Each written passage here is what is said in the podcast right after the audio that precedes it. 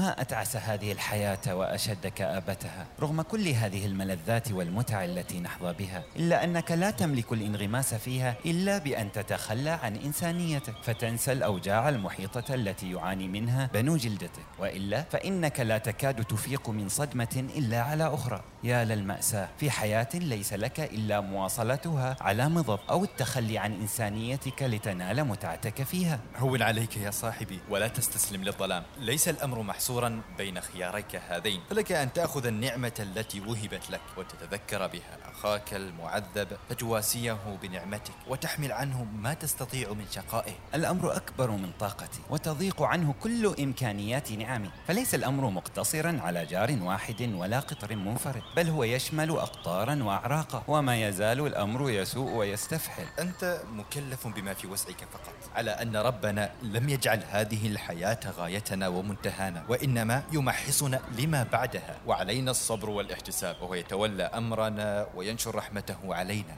الرب الرب الذي يشاهد كل هذا يحصل فلا يحرك ساكنا. أي رحمة هذه التي ننتظر أن ينشرها؟ وما زلنا نعاني لملايين السنين. استغفر الله يا أخي ولا يفقدك الجزع إيمانك. وثق بالله وأن وراء كل قدر منه حكمة وتدبيرا وإن خفي علينا. هذه المخدرات التي تتمسكون بها. للحفاظ على ما ألفتموه وتتوجسون من تركه لم تعد ذات أثر علي تعبت من التبرير الأبدي وأنا أنتظر أن تتجلى لي لمحة من هذه الحكمة المزعومة. فلم أرجع بشيء ولا أحسب هذه الحكمة ستنفع شيئا. أولئك الذين قضوا نحبهم في الألم والمعاناة. لذا شكرا. سأحزم أمري قبل أن أموت وأنا أنتظر وهما زائفا. لا أرجو بلوغه. هذا قصارى إيمانك. تنسى كل النعم الأخرى وتجحدها. لأجل ما تلقاه من معاناة في الجانب الآخر ما غرك بربك الكريم؟ أنا بموقفي هذا أشد إيمانا منك وتنزيها للإله بل أنا أكثر إيمانا من الأنبياء أنفسهم. وكيف يكون جحودك بالإله إيمانا؟ إن كنت سأؤمن بالإله فلا بد أن يكون هذا الإله عطوفا رحيما محبا لخلقه. ينجدهم حين يراهم في معاناتهم بل لا يسمح للمعاناة أن تمسهم أصلا. أنا أنزه الإله عن أن يكون شريرا ساديا يستمتع بألم الضعفاء ويلهو بيأس المعذبين. وهذا العالم الذي أراه لا يليق بإله أن يخلقه أو يوافق عليه فلا بد أنه جاء هكذا عبثا دون تدبير من إله خالق. لذا يستفحل الشر فيه وتكثر المعاناة دون أي مغزى ولن يسمح أي إله بهذا الشر العظيم. رغم المغالطات الكثيرة في كلامك إلا أنه مع ذلك لا يثبت النتيجة التي وصلت إليها بل هو لو تمعنت فيه أصلا ينقضها وينسفها نسفا.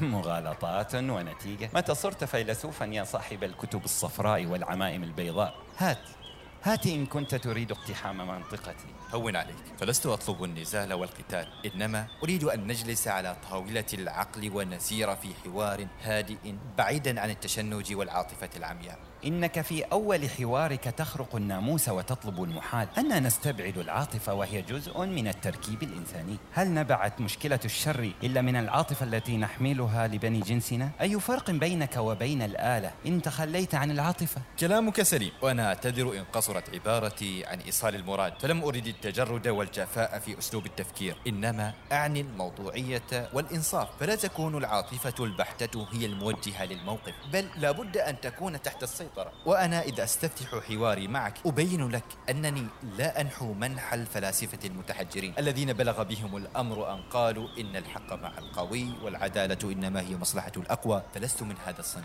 أما وقد التزمت بأن تكون إنسانا في نقاشك فهات ما عندك وفهمني كيف ما زلت أنت وإخوانك المؤمنون على تعلقكم بإلهكم خرسا عن الاعتراض رغم أن نصيبكم من المصائب أكبر من غيركم. هذا وأنتم أحبابه المؤمنون ولعل الوضع السابق مفهوم حين لم يكن يبلغ من الأخبار إلا كلمات تتناقل. لا تكفي لإشعارك بالمعاناة. أما الآن حيث تنقل المعاناة صوتا وصورة بأدق التفاصيل وفي كل ثانية فكيف لا يحرك فيكم ذلك نقمة ولا اعتراضا على من سمح بوقوع هذا عليكم؟ صحيح قولك أن وسائل الأخبار اليوم صارت أكثر إشعارا بتفاصيل الواقع وبمره أكثر من حلوة ومع ذلك فليس هذا السبب الوحيد لبروز هذه المشكلة. أعني مشكلة الشر. على السطح السطح أكثر مما مضى. فإنه ينضم لذلك أن الفكر الغربي الذي طغى ورسخ في وعي الناس على أنه النموذج والغاية كان له أثره كذلك. وها قد جئنا مبكرا إلى شماعة خيباتكم ونكساتكم. الغرب وفكره وسلطته. فأي شيء جنى الغرب في هذه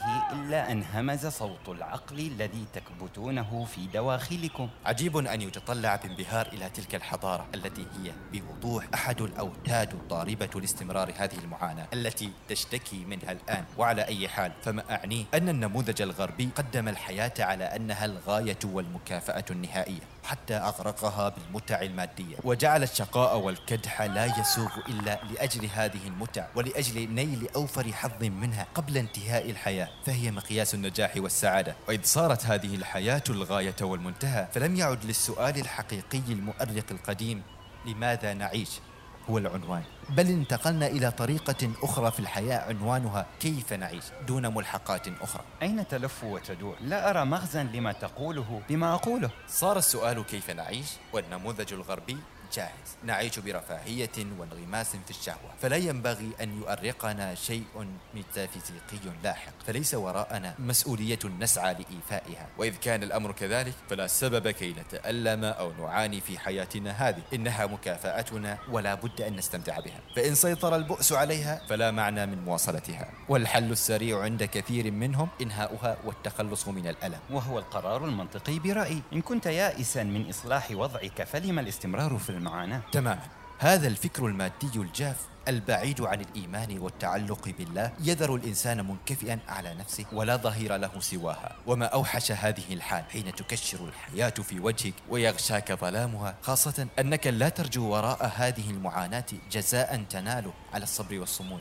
خلافا للمؤمن الذي يجد ربه ليلجأ إليه في الشدائد ويحتسب أجر صبره عنده ليزداد بذلك صمودا أمام الألم والكرب. لئن سلمنا بذلك فالنتيجة الأقرب أن الدين والإيمان ما هما إلا وسائل دفاعية. أنشأها العقل البشري لمقاومة الانهيار والفناء. ولربما كان هذا الصمود المزعوم أمام المعاناة يعود نفعه على جملة الجنس البشري بتجنيبه الانقراض. إلا أنه على المستوى الفردي مثير للشفقة تجاه هؤلاء المعذبين الذين يواصلون حياتهم بلا طائل سوى مزيد ألم وبؤس. لن أدخل معك في جدل الفردية والجمعية الآن. الفكرة هي أن هذا التصوير المشوه المادي للحياة هو إشكال بحد ذاته لا يمكن الانسجام معه. فإن كان كما تقول بأن حياة البؤس جديرة بأن ينهيها الإنسان بنفسه على أن يعيش وهو يعاني فلن نجد بذلك إنسانا يكمل حياته حتى يقتل نفسه أو يقتله غيره. ذلك أن المعاناة والألم أمر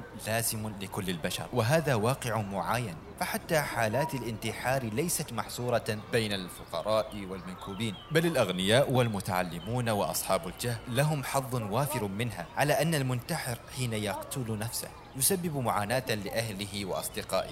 فالإنسان كائن اجتماعي بطبعه تقوم حياته على العلاقات بين الأفراد. فهل ينتحر الزوج لانتحار زوجته؟ ثم بعد ذلك ينتحر الأبناء لانتحار والديهم حين يجدون المعاناة في مواصلة العيش لفقدان أحبائهم.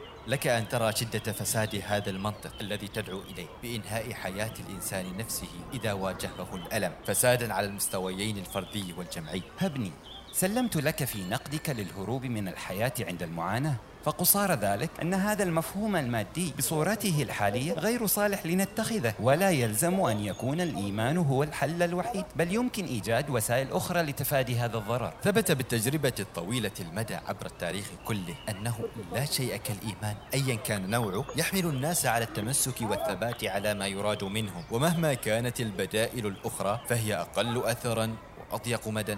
وأقصر عمرا وأقرب مثال لدينا مثال تحريم الخمر وتباين الحالين بين تلقي أهل المدينة للأمر الإيماني وتلقي شعب أمريكا للأمر القانوني. فانظر كيف حجز الإيمان المسلمين في أغلبهم عن الخمر منذ تلك القرون. ورسخ فيهم استهجانها وأرني شيئا مثل ذلك فعله غير الإيمان. هذا أمر يحتاج مني إلى تتبع ونظر. وإن يكن فإنك حتى الآن جعلت تباين بين المؤمن وغيره في معايشة الشر والاستجابة لمعاناة الحياة. ولا أراك أظهرت ما زعمته لي أنه لا حجة في وجود الشر لإنكار الإله. بل فيه حجة لطيفة وهي من قبيل الحجاج المادي لو تعلم. فإنك ترى أنه ما كانت حاجة ضرورية للإنسان إلا ووجد ما يسدها فهو إذ كان يجوع وجد الطعام وإذ كان يعطش وجد الماء طبعا. بل الصغير إنسيا أو حيوانا ثديا يجوع ولا يسيغ طعاما إلا اللبن. فأفرز له صدر أمه اللبن خالصا سائغا من بين فرث ودم. وهكذا لما كان الإنسان يجد الوحشة ويريد ما يكفيه